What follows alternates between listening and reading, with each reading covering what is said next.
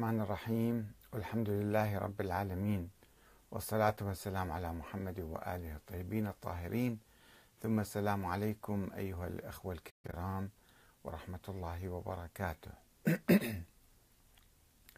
متى ابتدأ التطبير بالسيوف؟ حزنا على الإمام الحسين كما يقولون. ومن أين جاء؟ وما هو موقف العلماء من هذا التطبير وماذا سيحدث في المستقبل من بدع جديدة وأيضا ما هو موقف العلماء منها؟ لأنه كل يوم عندنا بدعة جديدة.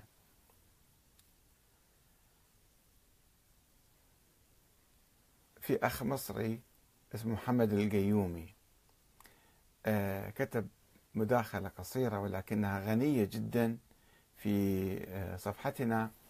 قال أن آه، موقف الناس من الدين مثل موقف مثل الأهرام.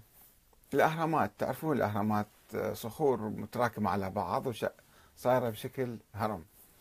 ولا يوجد فيها إلا في داخلها في قلبها قبر أحد الملوك الفراعنة أو مجموعة قبور. ويشبه الدين بالأهرامات. أن كل يوم جايين ناس وحاطين صخرة جديدة. وصخرة أخرى وصخرة فوقها وصخرة فوقها. وهكذا إلى أن صار في الهرم كبير اللي هو على أساس مقبرة المقبرة تكفي يعني صخرة واحدة تغطي الميت. ولكن إحنا اليوم كل يوم نبتدع شيء جديد واندس بالدين. صار لنا 1400 سنة. شوفوا آه، كم هي البدع والخرافات والأساطير التي دخلت بالدين. وما هي من الدين. لماذا؟ لأنه يعني كل يوم آه، عندما تدخل بدعة جديدة العلماء في البداية يحاولون يقاوموها ثم يشوفون الناس يعملون فيها فيخافون أن آه، يفتوا بشيء آه، ضدهم وبالتالي الناس ينفضون عنهم.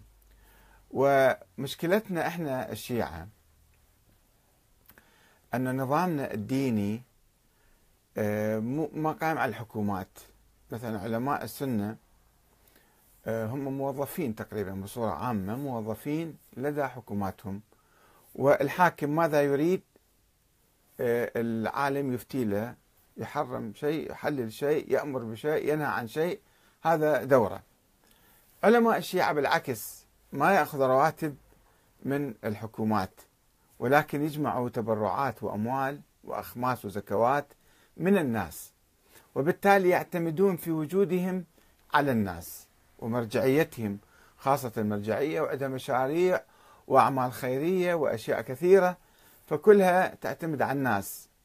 لذلك هم من من مدة طويلة أدرك بعض العلماء ذلك أن المراجع والعلماء يسيرون خلف الناس ولا يقودوهم لا يعني يأمرون وينهون بقوة خوفا من انفضاض الناس عنهم. يقول لك ليش ما تأمر؟ تعرف هذا شيء مثلا مو صحيح أو بدعة أو خطأ؟ يقول لك يعني إذا تكلمنا الناس راحوا ما يسمعون ويصيرون ضدنا. فيسكتون. يوميا كل ما تحدث بدعة جديدة نشوف موقف العلماء صامت أو بعضهم بعض العلماء لا. كل ما طلعت بدعة جديدة يقوم هذا العالم بتغطيتها شرعيا بإيجاد التبريرات والأدلة والبراهين والتأويلات ويمكن حتى يختلق أحاديث حتى يدعم هذه البدعة أو هذه الخرافة أو هذه الأسطورة. يختلق أحاديث وما أكثر الأحاديث وما أسهل اختلاق الأحاديث لدعم البدع والخرافات والأساطير اللي دخلت بالدين وشوهت الدين وغيرته. الآن إحنا عندما ننظر إلى الدين انظروا إلى ماذا يفعل ما يفعل الناس في الشوارع وانظروا إلى القرآن الكريم. هل تجدون شيئا ما يفعل الناس؟ ومما يعتقدون هذا موجود بالقرآن الكريم. الدين الإسلامي شيء بسيط جدا. الإيمان بالله الواحد الأحد والإيمان بالأنبياء والإيمان بالآخرة. هاي العقيدة الإسلامية فقط. وأيضا هناك فروع لهذه العقيدة الصلاة الصوم الزكاة الأعمال الصالحة تجنب المحرمات الزنا القتل السرقة الغش وما إلى ذلك. ولكن إحنا غيرنا هذا الدين سوينا في الدين آخر جديد.